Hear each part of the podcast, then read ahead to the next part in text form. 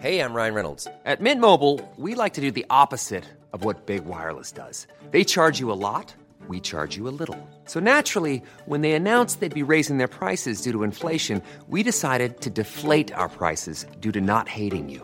That's right. We're cutting the price of Mint Unlimited from $30 a month to just $15 a month. Give it a try at mintmobile.com slash switch. $45 upfront for three months plus taxes and fees. Promo rate for new customers for limited time. Unlimited more than 40 gigabytes per month. Slows. Full terms at mintmobile.com.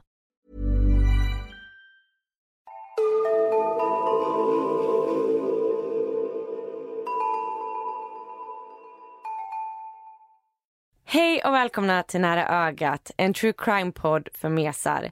Mitt namn är Alexandra Kensdottir Och jag heter Amelia Ingman. och idag, våra kära mesar, firar vi ett år. Ja, det är helt otroligt. Den 14 oktober 2020 så släpptes vårt första avsnitt. Okej, vi fyller egentligen ett år imorgon, men ändå. Ja. Sjukt att vi inte har 52 avsnitt. Vi har varit lite lata. Vi har egentligen 41 avsnitt om man räknar med minisarna. Och sen så har vi haft lite julledigt, man har varit sjuk. Sommarlov. Exakt. Så det är ändå helt okej. Ja, verkligen. Hur ska vi fira? Jag har ingen aning. Va, va, hur tycker ni att vi ska fira? Ska vi kanske fira med att ta fram merch? Är det dags för merch? Är det Vad tycker ni? Skulle ni vara intresserade av merch? Är det så att ett år betyder merch? Vi vill så gärna veta vad ni tycker. Jag tänker, tänk bara en tröja där det står mes. Tygpåse, mes. En kaffekopp på nästa möte. Stolt mes. Ni får jätte, jättegärna hjälpa oss. Ett, ska vi ta fram merch? Två, vad ska det stå på? Är det tygpåse, muggar, tröjor? Jag tänker att det hade ändå varit kul om det står mes eller stolt mes istället för vår logga. Ja, Eller? jag håller med. Men det känns också som att vi är väldigt självgoda. Som tror att någon vill ha. Ja men eh, mamma kanske kommer vilja köpa ändå så att någon... Ja. ja, men det hade varit jättekul. Kommentera om ni tycker att det låter intressant. Och det gör ni enklast på vår Instagram där vi heter Närögat podd. Ni kan hitta oss på Facebook också under samma namn. Det kanske finns en eller två mesar ute som vill ha det och då så tycker jag att vi ska skapa merch. Ja. Och med det sagt, in och skriv och kommentera och tipsa oss om vad vi ska göra. Vi vill så gärna ta fram det här tillsammans med er. Nu kör vi igång. Ja, Börjar du? det kan jag göra. Idag ska jag berätta om Roxana Sikorski. Men det var ganska svårt att hitta information om det här fallet så det blir kanske lite kortare än vanligt. Mina källor är artiklar av NBC News, Detroit Free Press, Daily Mail och ITV. Roxana föddes i Polen 1999 och spenderade sina första år i livet under väldigt tuffa förhållanden och hamnade till slut på ett barnhem tillsammans med sina två yngre syskon, en lillebror och en lilla syster. När Roxana är fyra år gammal så adopteras hon och de två yngre syskonen av ett amerikanskt par, Lorraine och Jeffrey Sikorski. Barnen har som sagt haft ett väldigt tufft och traumatiskt liv i Polen. På grund av övergrepp som Roxana utsatts för i tidig barndom fick hon diagnosen reaktiv anknytningsstörning. En psykisk sjukdom där barn inte kan bilda en känslomässig anknytning till sin primära vårdgivare. Familjen bor i Detroit och när Roxana börjar skolan så blommar hon verkligen ut. Hon är en jätteduktig elev och hon var väldigt lugn och ställde aldrig till med några problem. Men detta ändrades när hon sen kom upp i tonåren. 2014, när Roxana är 15 år, så börjar hon rymma hemifrån. Båda föräldrarna kände att de höll på att tappa kontrollen och visste inte riktigt vad som försiggick i Roxanas liv. Men de fick till slut reda på att hon har träffat en pojkvän. Roxana är som sagt bara 15 år och hennes nya kille, Michael Rivera, är 23 år gammal. Roxana och Michael träffades via Facebook. Michael brukade ge henne komplimanger och enligt Roxana så förstod han sig verkligen på henne. Efter att ha chattat ett tag så bestämde de träff på ett bibliotek och deras onlineflört blev till ett faktiskt förhållande. De pratade och träffades i smyg men när föräldrarna fick reda på förhållandet och den stora åldersskillnaden så tyckte de inte att det var lämpligt och de ville att Roxana skulle sluta träffa Michael. När föräldrarna sedan fick reda på att Michael och Roxana haft en intim relation så valde de att polisanmäla pojkvännen. Det är nämligen olagligt för dem att ha sex eftersom han är vuxen och hon är minderårig. Så en polisutredning inleds och paret får nu inte längre vara tillsammans och föräldrarna tillåter inte Roxana att träffa Michael mer. Men hon lyssnar inte på dem och hon börjar smita ut för att träffa honom i smyg. Adoptivföräldrarna Jeff och Lorraine gjorde allt i sin makt för att försöka hålla Michael borta från sin dotter. Och de begränsade hennes tillgång till telefon och internet men de lyckades inte hålla dem isär. Michael skickade meddelanden via Roxanas vänner eller via anonyma sms och de lyckades fortfarande vara i kontakt med varandra. Michael och Roxana gjorde allt för att få vara tillsammans och de älskade varandra. Men föräldrarna stod i vägen och det var bara en tidsfråga innan polisen skulle gripa Michael. Och när det händer så kommer han förmodligen dömas till fängelse. Och då kommer de ju inte kunna se varandra alls. Och det här kan de bara inte låta hända. Så paret kommer på en plan. De ska döda Roxanas mamma, pappa och två yngre syskon och sen ska de rymma därifrån tillsammans. Alltså jag kan komma på hundra planer som är bättre än deras plan. Mm, jag med. Varför drar det så långt? Rym därifrån. Alltså, döda inte någon. Stryk första delen av planen och bara rym. Ja, mycket enklare.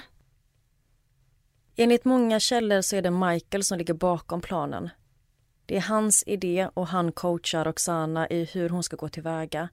För tanken är att det är hon som ska utföra morden och han ska köra flyktbilen. Han får Roxana att tro att föräldrarna inte längre älskar henne och om hon dödar sin familj så kommer han slippa fängelse och de kan få vara tillsammans för alltid. Den 17 oktober 2014 var det dags att förverkliga planen. Michael väntar utanför Roxanas familjs hus medan Roxana ska utföra de fyra morden. Under kvällen så har Michael smsat detaljerade instruktioner till Roxana om hur hon ska döda sin familj.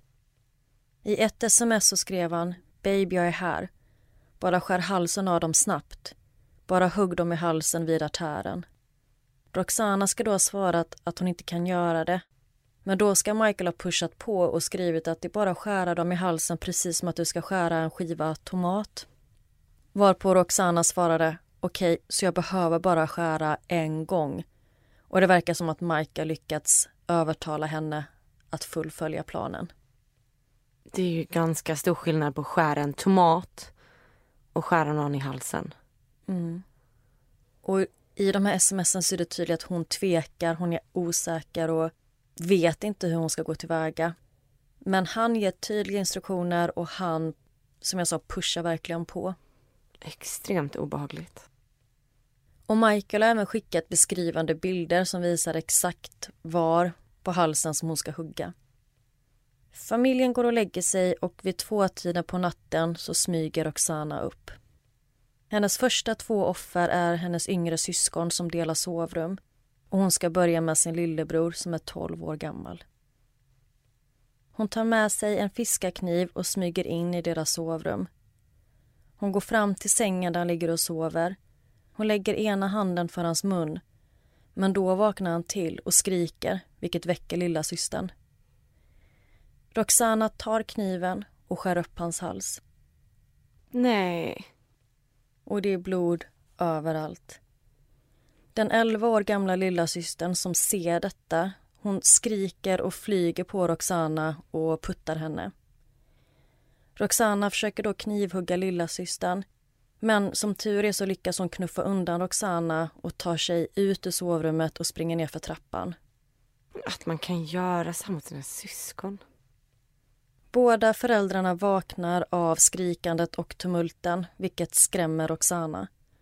Så hon släpper kniven och flyr ut från huset till pojkvännen Michael som väntar utanför i en bil. Tillsammans lämnar de platsen och de kör hem till Michael. För där är det ingen som kan hitta dem, eller vadå? Eller hur? Skulle inte de fly? Det är inte så att vi vill att folk ska göra brotten bättre. Men ibland blir man ju förvånad över hur dåliga de är. Eller hur?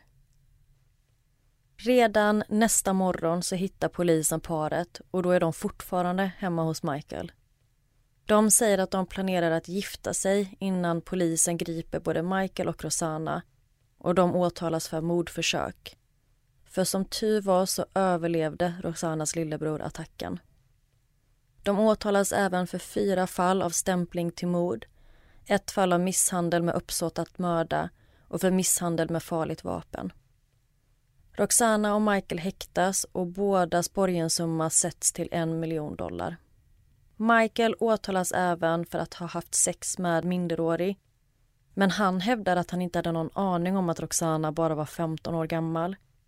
Men det är inte rimligt. De hade varit ett par och haft kontakt i flera månader plus att Roxana ser väldigt ung ut och bor hemma. Jag tror inte att han inte visste hur ung hon var. Ja, men det är väl också därför de planerar att fly? Ja, precis. Men jag tror att han menar att han visste inte att hon var så ung när de hade sex. Men han har ju fortsatt träffa henne efter det och fortsatt ha en relation med henne efter att föräldrarna polisanmälde honom. Exakt. Så varför fortsatte han ens att prata och träffa Roxana, kan man ju fråga sig.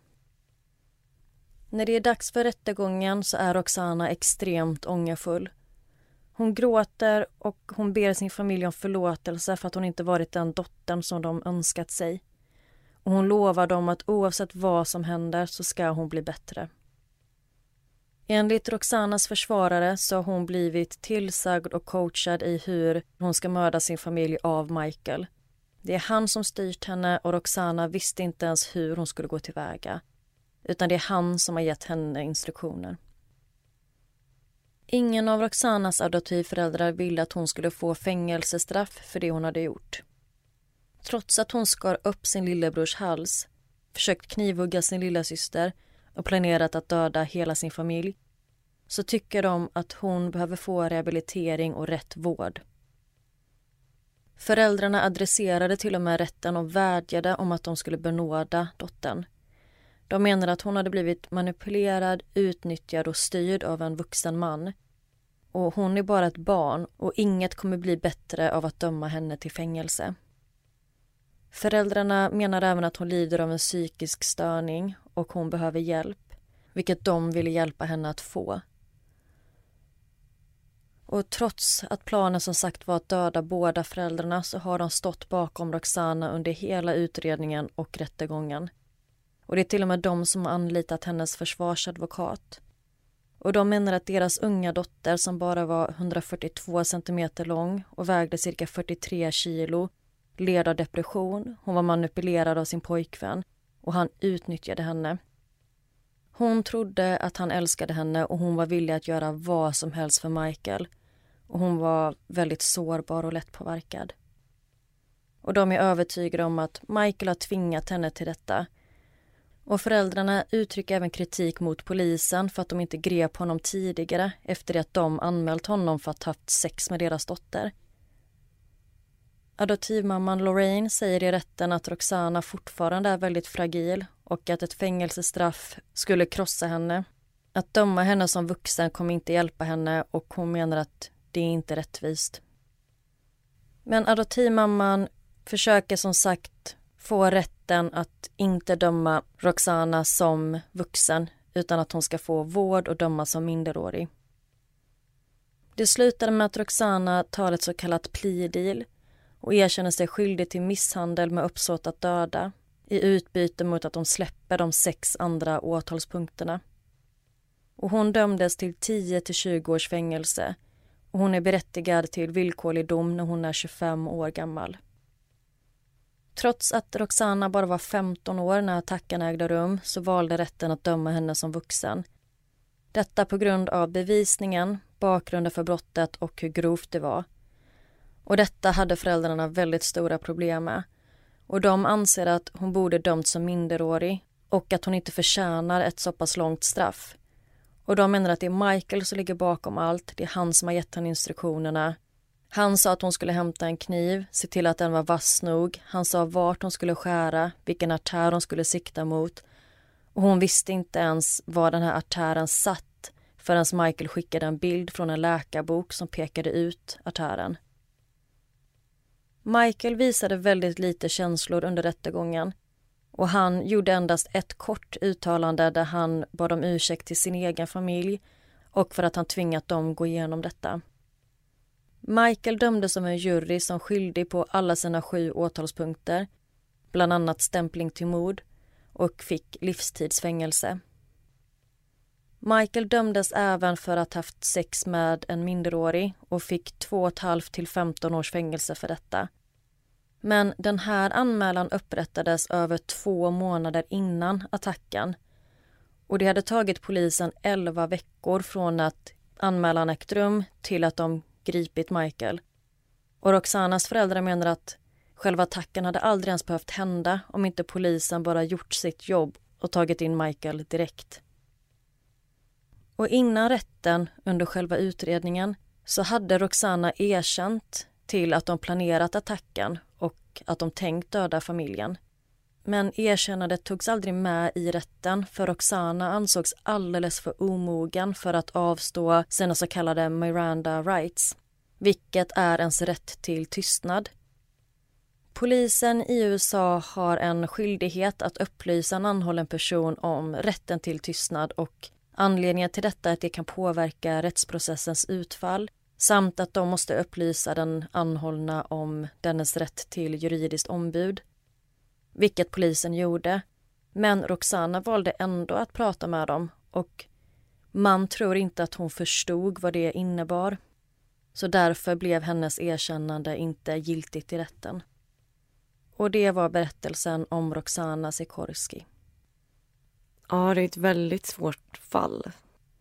Det är svårt att veta vad man själv ens tycker Alltså å ena sidan så var hon ju kapabel till att försöka mörda sina syskon och föräldrar. Men å andra sidan så var hon ju hjärntvättad av en äldre kille. Ja, jag tycker också det är lite svårt att förhålla sig till detta.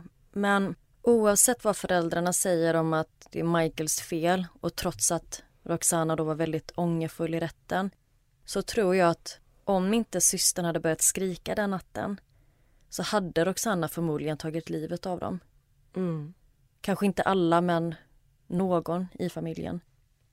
Ja, och det blir lite så här, är hon kapabel till det här? Vad har de mer kunnat göra då?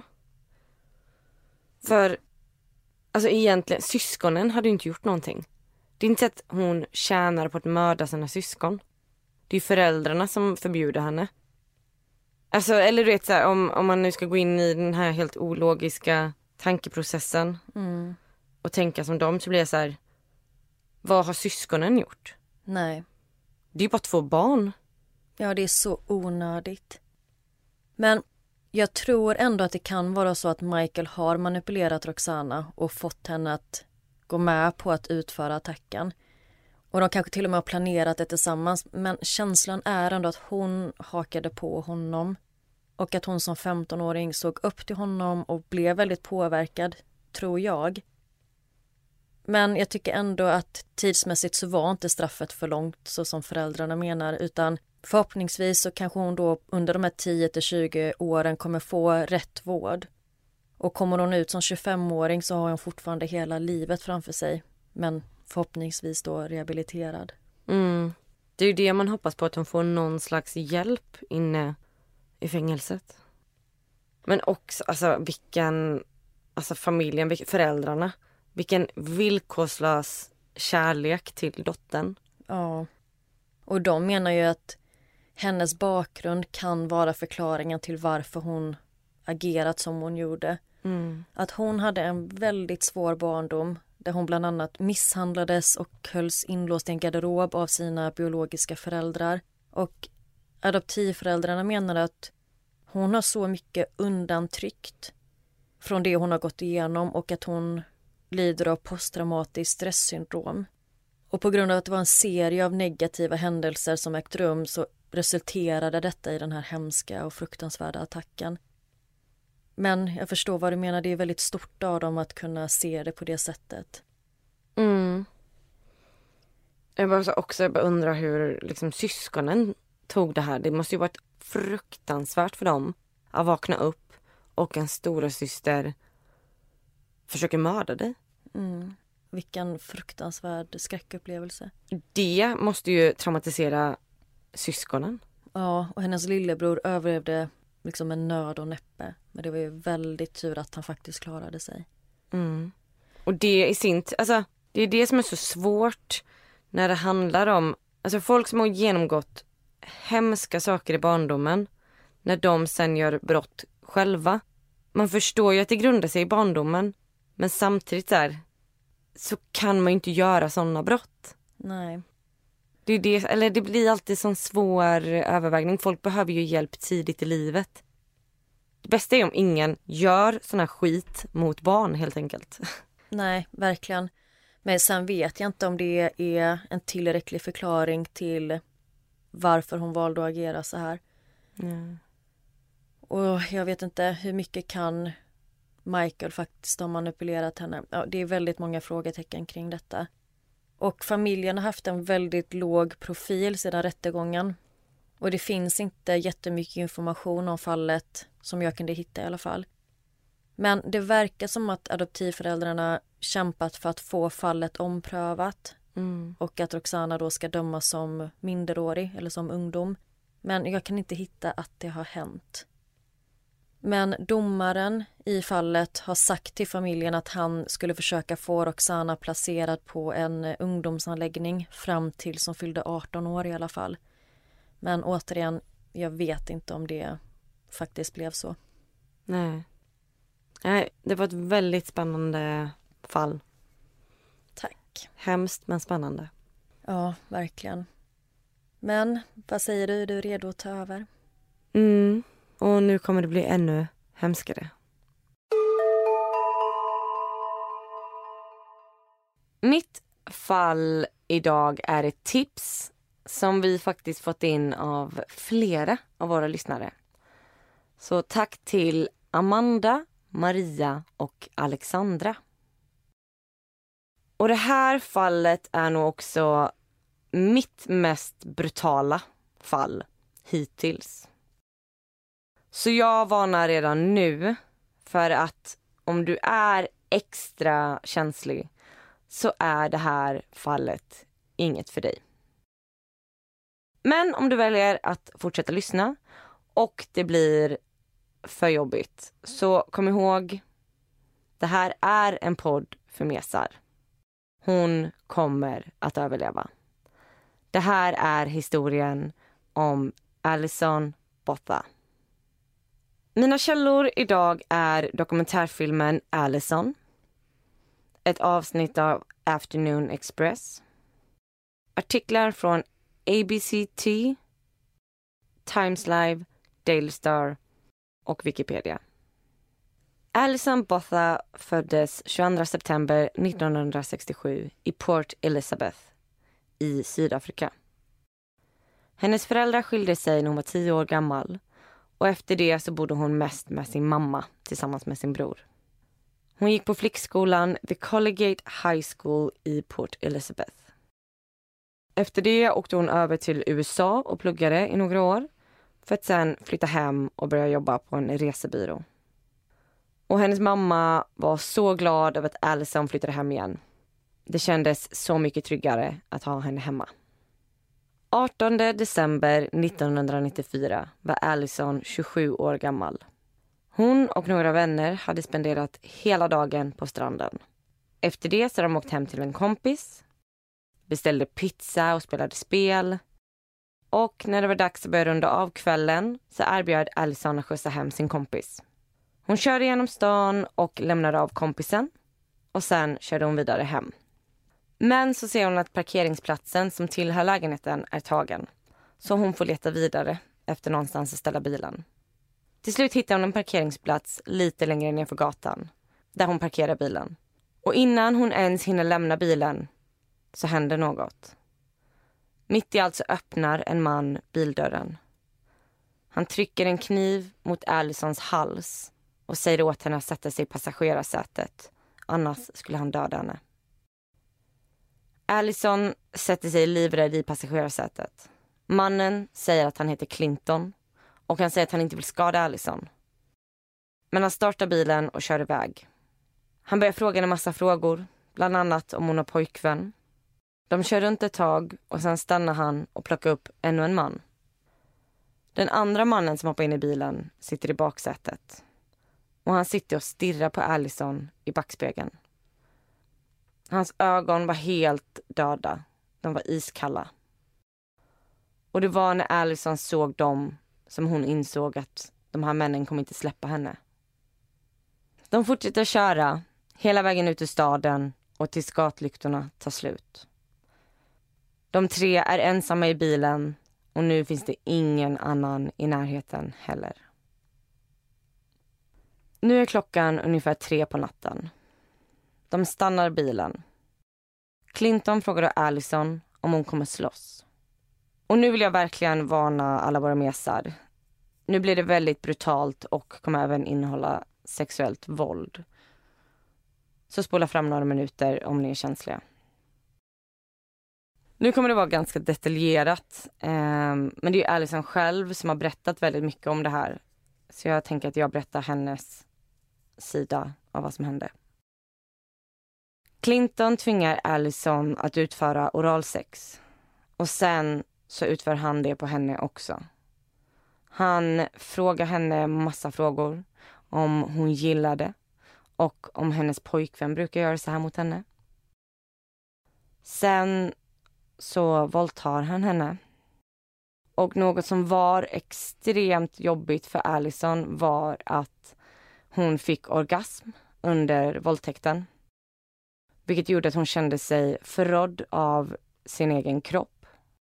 Och jag vill också bara lyfta det här för att jag tror att det är många som kanske inte vet om att man ens kan få orgasm under våldtäkt. Och det verkar som att många som upplever det även känner en stor skam över att det har hänt. Och det betyder inte att du var med på det. Det betyder inte att du gillar det. Utan det kan vara en försvarsmekanism för kroppen. Och jag vill också tipsa om hemsidan Låt oss prata om sex.nu dit man kan vända sig om man blivit utsatt för sexuellt övergrepp eller våldtäkt eller bara vill ha mer information så finns det jättebra, så finns det jättebra hjälp där. Det är jättebra att du tar upp det för jag hade faktiskt ingen aning om att det kunde vara så. Det verkar som att många som har upplevt det här kanske känner skuld eller skam kring det och det ska man absolut inte känna. Det här är bara ett sätt för kroppen att hantera det trauma den är med om. Mm. Efter ett tag så förstår Allison att Clinton har ljugit om sitt namn. Han heter egentligen Frans. Allison uppfattar också att den andra mannen heter Tions. Och när Frans är klar med våldtäkten frågar han om Tions nu vill ha sex med den vackra damen. Då svarar Tions att han vill fuck the bitch. Och Frans svarar då att han inte får prata så med henne. Hon är en dam. Du måste prata respektfullt med henne. Sen börjar Tions våldta Allison. Hon minns att han tog stryptag på henne. Sen vaknar hon av att hon ligger på marken. Männen har nu en kniv och börjar hugga Allison i underlivet och i magen. De hugger henne 37 gånger. Sen tar Tyons kniven och skär henne i halsen, från öra till öra. Frans knuffar bort Tyons. Han tar kniven och fortsätter hugga Allison i halsen. Och Allison berättar i dokumentären att hon ser månskenet bakom Frans. Och det ser ironiskt nog nästan ut som en gloria runt hans huvud medan han fortsätter hugga henne i halsen. Hon fick totalt 17 knivhugg i halsen. Åh herregud. Hur är det möjligt att hon tar sig levande därifrån? Exakt. Och vad är det för skitsnack Frans håller på med? Att den andra killen får inte kalla henne för bitch men han kan hugga henne 17 gånger i halsen. Mm. Nej men det är det han, alltså jag tycker Frans, alltså både extremt onda men det är som att Frans ska linda in henne i någon så här falsk trygghet. Och sen nästan vara värre. Männen försvinner iväg från platsen. De kastar ut hennes kläder ifrån bilen och kör iväg. Kvar ligger Allison, naken och ensam i gruset. Det är kolsvart ute. Och just nu känner hon ingen smärta. Men hon hör ett fruktansvärt ljud. Och det tar ett tag innan hon inser att det är ljudet från hennes egna andning genom hennes trasiga hals som låter. Hon inser att hon är döende och att hon är så pass skadad att det inte finns något hopp. I dokumentären berättar Allison hur hon faktiskt kände att hon lämnade kroppen. Att hon svävade upp och såg sig själv ligga i gruset. Och när hon gjorde det så slutade det här hemska ljudet från andningen. Men när hon såg sig själv ligga där så insåg hon att hon inte var klar. Och det var som att hon valde livet. Och poff så var hon tillbaka i kroppen igen. Hon kunde igen höra det här hemska andningsljudet. Och hon gav sig fan på att männen inte ska få komma undan med det här. Så hon ligger där och börjar dra sitt finger i gruset. Fram och tillbaka. Och till slut har hon lyckats skriva Frans och Teuns. Och under det så skrev hon I love mom. Och nu vill jag igen varna för väldigt hemska detaljer. Allison är som sagt mycket svårt skadad. Hennes inälvor ligger utanför kroppen. Och Allison förstår att hon måste ta sig tillbaka till den stora vägen för att ens ha en chans. Hon ser att hennes jeanskjol ligger bredvid. Så hon tar den och trycker den mot magen för att hålla kvar inälvorna. Med andra armen börjar hon sakta dra sig framåt. Hon vill så gärna visa för sin mamma att hon faktiskt har kämpat. Men hon kommer ingen vart när hon kryper. Så då bestämmer hon sig. Hon ska resa sig upp och försöka gå. Hon kämpar sig upp på benen. Men då blir det helt svart. Och det visar sig nu att hennes huvud har ramlat bak mellan skulderbladen. För att halsen är så pass avskuren att hon inte kan hålla upp huvudet. Men du skojar? Så nu så tar hon tag i huvudet, drar det tillbaka framåt så hon kan se vägen igen. Det här är det sjukaste. Mm. Och hon vet inte ens hur hon lyckas. Men hon staplar hela vägen fram till den stora vägen och där faller hon ihop. Jag kan inte greppa detta. Hur är det möjligt? Det är helt ofattbart vad kroppen kan klara av. Men ja, det, det är ju det jag menar. Det här fallet är det mest brutala jag hört om. Ja. Och vilken extrem vilja att överleva, vilken kraft, vilket... Vilket jävlar anamma. Ja, Att bara säga nu, jag måste ta mig tillbaka. Jag ska visa mamma att jag har kämpat. ja, jag är helt tagen. Mm. När hon ligger på vägen så inser hon att det finns en risk att gärningsmännen kan komma tillbaka. Men nu är hennes krafter helt slut. Hon kan inte röra sig mer. Och efter en stund kommer en bil. Men den kör runt henne och gasar därifrån. Och kort därefter ser hon lamporna på en ny bil. I den bilen sitter Tian Eilard, en 20-årig veterinärstudent som är där på semester med några vänner. Han stannar bilen och springer fram till Allison.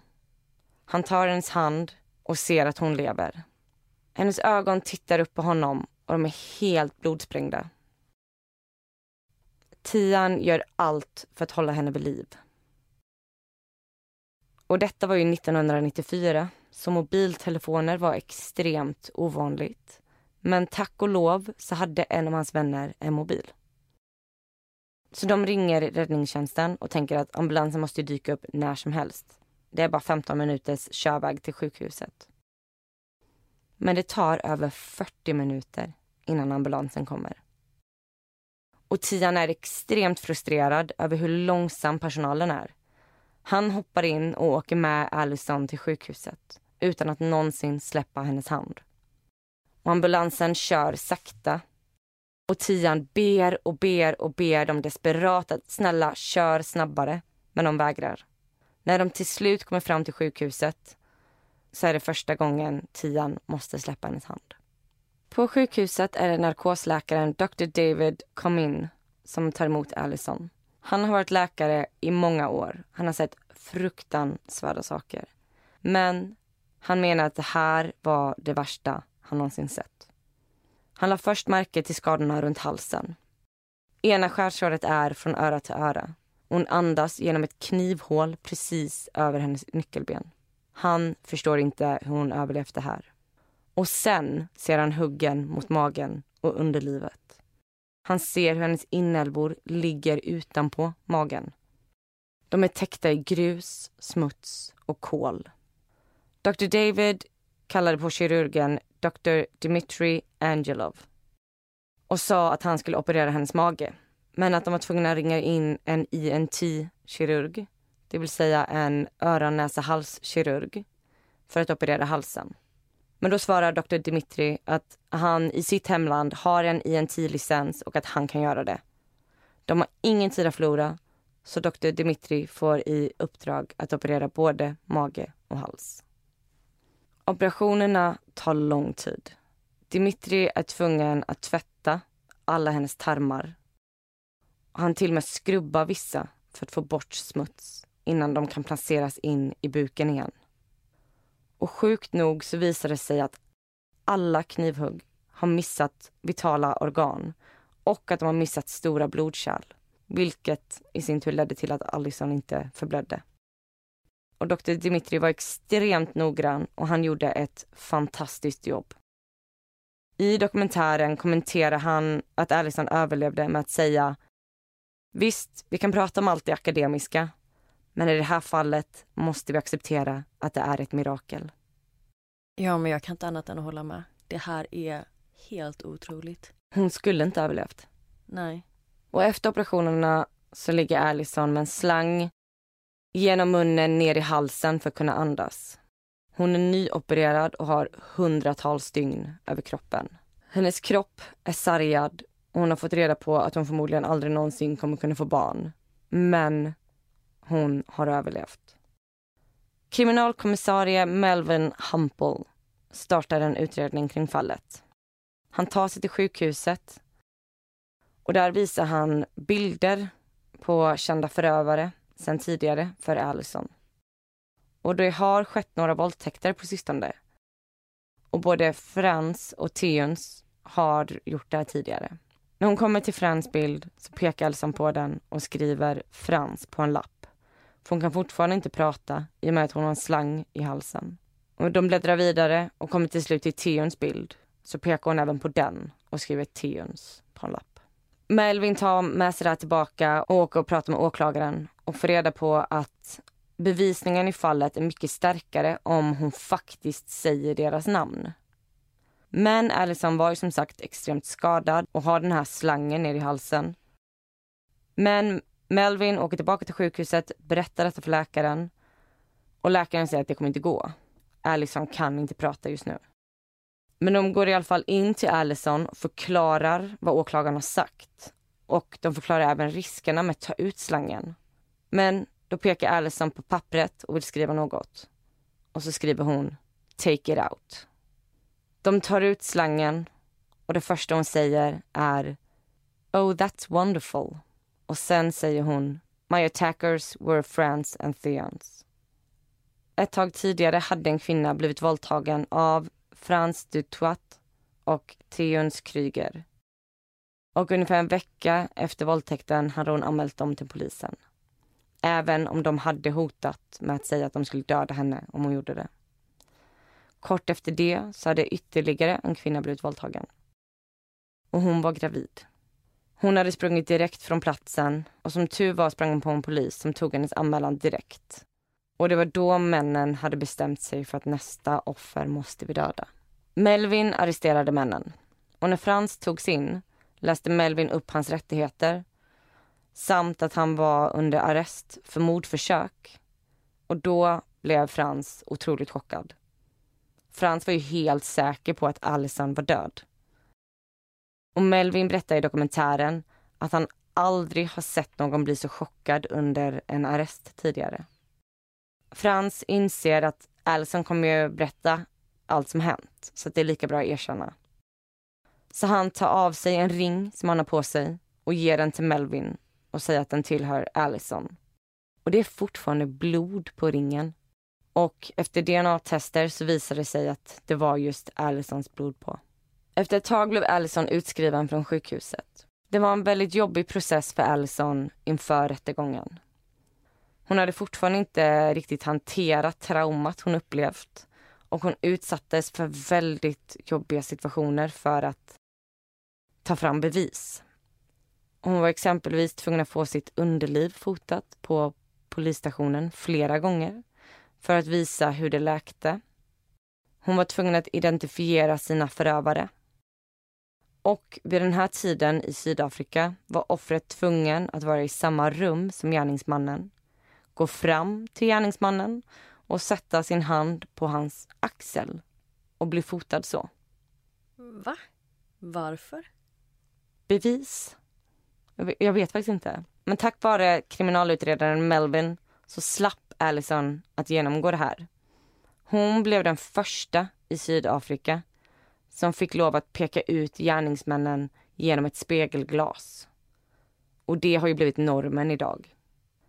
Men även om hon slapp vara i samma rum så var detta en extremt traumatisk upplevelse för Allison att ens behöva se dem igen. Och hon tyckte att rummet var alldeles för lite och att de kändes för nära inpå. Det här var ju bara några månader efter. Det är ju på riktigt som Paradise Hotel, att man ska gå och ställa sig och ta någon på axeln. Ja, det är helt sjukt. Att ens behöva vara nära personerna som har gjort det här mot dig. När det är dags för rättegång så eskorterar kommissarie Melvin, Frans och Theons till domstolen. Och han väljer då att inte sätta handklovar på dem. Och han säger det till dem. För han vill att de ska springa. Att de ska försöka rymma. För då får han skjuta dem. Och Melvin säger i dokumentären att han absolut inte gillar jaga, han vill absolut inte skjuta någon. Men att han verkligen ville skjuta de här två killarna. Och under rättegången kommer det fram att Frans är gift och har barn. Och det måste vara helt fruktansvärt för hans fru och barn att höra om det här. Och det kom även fram att männen hade åkt till en lägenhet efter mordförsöket och ätit frukost tillsammans. Och att de hade förberett frukosten med samma kniv som de använde för att hugga Allison med. Frans försökte förklara allt genom att säga att han är besatt av demoner och att i häktet hade de till och med tagit hjälp av en pastor som skulle utföra en exorcism på honom. Jag älskar att du himlar med ögonen där för det är exakt vad jag känner också. 7 augusti 1995 är rättegången klar. Domare Chris Hansen berättar att när han satte straffen så räknade han med att Frans har dömts för två våldtäkter tidigare och Theons bara dömts för en. Frans fick tre livstidsdomar utan chans till villkorlig frigivning och Theons fick en livstidsdom och 25 år utan chans till villkorlig frigivning. Domaren skrev ut domen och skickade den till fängelset vilket han aldrig någonsin gjort tidigare och aldrig någonsin gjort efter det här fallet heller. Och han gjorde det för att han vill poängtera att dessa män ska aldrig släppas ut och att de är ett hot mot samhället. Han säger själv att om dödsstraff hade varit lagligt så hade han dömt dem till det. När Theons togs från rätten så skriker han högt Here I go, so fuck you all. Allison menar att rättegången och männens straff inte minskar det onda i det som har hänt men att det gör det lite bättre. Och att det hela tiden blir lite lättare men att man aldrig riktigt blir helt helad från en sån här upplevelse. Hon säger i dokumentären att en del av henne dog den natten. Och det var fruktansvärt svårt för Allison under en lång tid. Först skedde själva attacken. Och sen var det ju den fysiska återhämtningen. Sen var det rättegång. Sen ville hon vara stark för sina föräldrar. Sen var hon tvungen att vara stark för andra överlevande offer. Och visst, männen fick fängelse och alla började återgå till sina egna liv. Men inte Allison. Hon blev tvungen att flytta hem till sin mamma. Hon kunde inte klara sig själv längre. Hon drabbades av en depression. Hon slutade bry sig om något. Hon gick inte till jobbet. Hon orkade inte duscha. Hon gjorde ingenting. Men sen en dag så insåg hon att under natten efter attacken så hade hon stått inför ett val. Och då valde hon livet. Och hon valde att inte dö. Så hon insåg att hon nu igen var tvungen att välja livet. Alison hatar att stå framför folk. Men en dag så får hon en inbjudan att berätta om vad hon har varit med om. Så hon åker och håller sin första föreläsning. Och efteråt så känner hon att det här är mitt syfte i livet. Att berätta om vad som hade hänt gjorde att hon själv mådde bättre. Och hon började läka sig själv genom att berätta den här historien för andra och inspirera andra. Och idag så arbetar Allison som inspirationsföreläsare. Allison fick vara med om fler mirakel. Läkaren hade ju sagt till henne att hon aldrig skulle kunna få barn. Idag har Allison två söner. Och det sjuka är att hon inte hade några som helst problem under graviditeterna. Hon älskade att vara gravid. Och för att liksom strössla historien ännu mer med magi så Tian, veterinärstudenten som hittade Allison på gatan den natten. Efter det som hänt så fick han en aha-upplevelse och insåg att hans öde var att bli läkare. Och det blev han. Och han var med och assisterade vid födseln av Allisons andra son. Och det var historien om Allison Botha. Vilken otrolig historia. Som jag sa innan, jag kan inte förstå hur hon överlevde detta. Nej, alltså till och med läkaren säger att det här var ett mirakel. Vilket bra tips. Jag hade aldrig hört den här berättelsen för. Inte jag heller. Nej, alltså när jag tittade på den här dokumentären, jag satt som fastklistrad. När hon själv sitter och berättar saker. Man förstår ju inte att hon överlever, men hon berättar ju det själv. Så det, man blir, det blir så mycket mindfuck. Och det är det som är så bra med den här podden. Att även om det blir så sjukt mörkt och det blir så hemskt så vet man att så här, håller man ut så får man slutet. Mm. Och de klarar sig. Men något som också är väldigt sjukt det är att i oktober 2015 så blir både Frans och Theons berättigade eh, villkorlig frigivning. Fastän domaren så noga poängterat att de inte ska släppas ut i samhället igen. Det här blev såklart en extra jobbig tid för Allison och alla inblandade. För hon blev ju så livrädd för att tänk om de kommer ut. Och en kvinna i USA kontaktade Allison på grund av att hennes dotter var i ett förhållande med Frans. Alltså via sociala medier. För att han har då full tillgång till Facebook och olika internetsidor. Så han kan ha ett fungerande socialt liv online. Och han kan få då skaffa ett förhållande online fast han är en dömd sexualbrottsling med flera våldtäkter plus mordförsök. Ja, man undrar ju hur det kan vara tillåtet. Och vill du veta något ännu sjukare? Allison skrev då till myndigheterna om det här och bad också att det inte skulle komma ut att det var från henne. Vet du vad hon får reda på sen? Nej. Att det här e-mailet har skrivits ut och att Frans har fått det. Hur kan man anse att han har rätt till den informationen? Borde man inte fokusera på att skydda Allison, att skydda kvinnorna? Och när det liksom kom ut att de gjorde en dokumentär om Allison så ville Frans ge en intervju mot följande villkor. A. Att han ville få ett brev om att han har blivit förlåten från Allison och att hon var tvungen att signera det. Samt att han vill ha vinsten från all tidigare försäljning av Allisons böcker och hennes motivationsföreläsningar. Då han menar att det är på grund av vad han gjort mot henne som har skapat hennes success story. Förlåt Assa, jag tycker att här borde du lagt en varning innan. För det här orkar jag fan inte lyssna på. Nej men det här är ju ren ondska. Jag vet inte vad jag ska säga. Det här är, det är helt sjukt. Mm. Att han tror att han har rätten. Vi kan ju då säga att eh, de nekar honom intervjun. De mötte absolut inte hans villkor. Och för att avsluta lite positivt så vill jag bara dra en grej som Alison brukar säga på sina föreläsningar. Och det är att hon får ofta höra att hon är extraordinär.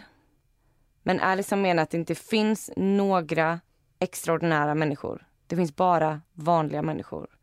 Men vanliga människor kan göra extraordinära saker. Och du kan inte kontrollera det som händer i livet. Men du kan kontrollera hur du hanterar de tre ABC-erna som hon pratar om. Och det är A. Attitude. B. Believe. Och C. Choice. Det är hur du hanterar de här tre som kommer bestämma hur du mår i ditt liv. Och om Allison kan ta sig igenom det här så kan du ta dig igenom din dag idag. Du kan inte kontrollera det som händer i livet men du kan kontrollera hur du hanterar de här tre. Attitude, believe, choice. Tack så jättemycket för den här berättelsen Assa. Återigen tack till er som tipsade om detta. Vi kommer som vanligt lägga ut bilder från fallen på vår Instagram där vi heter Nära ögat podd och även på Facebook där vi heter samma sak. Oh, man är helt slut efter dagens fall alltså. Ja, verkligen. Ja, det var två ganska tunga historier idag. Men vi hoppas att ni ändå såg något positivt här i slutet i alla fall. Ja. Ja, och det var allt för idag. Ha det så himla fint nu allihopa så hörs vi igen nästa vecka. Ha det fint. Puss puss. Puss hej.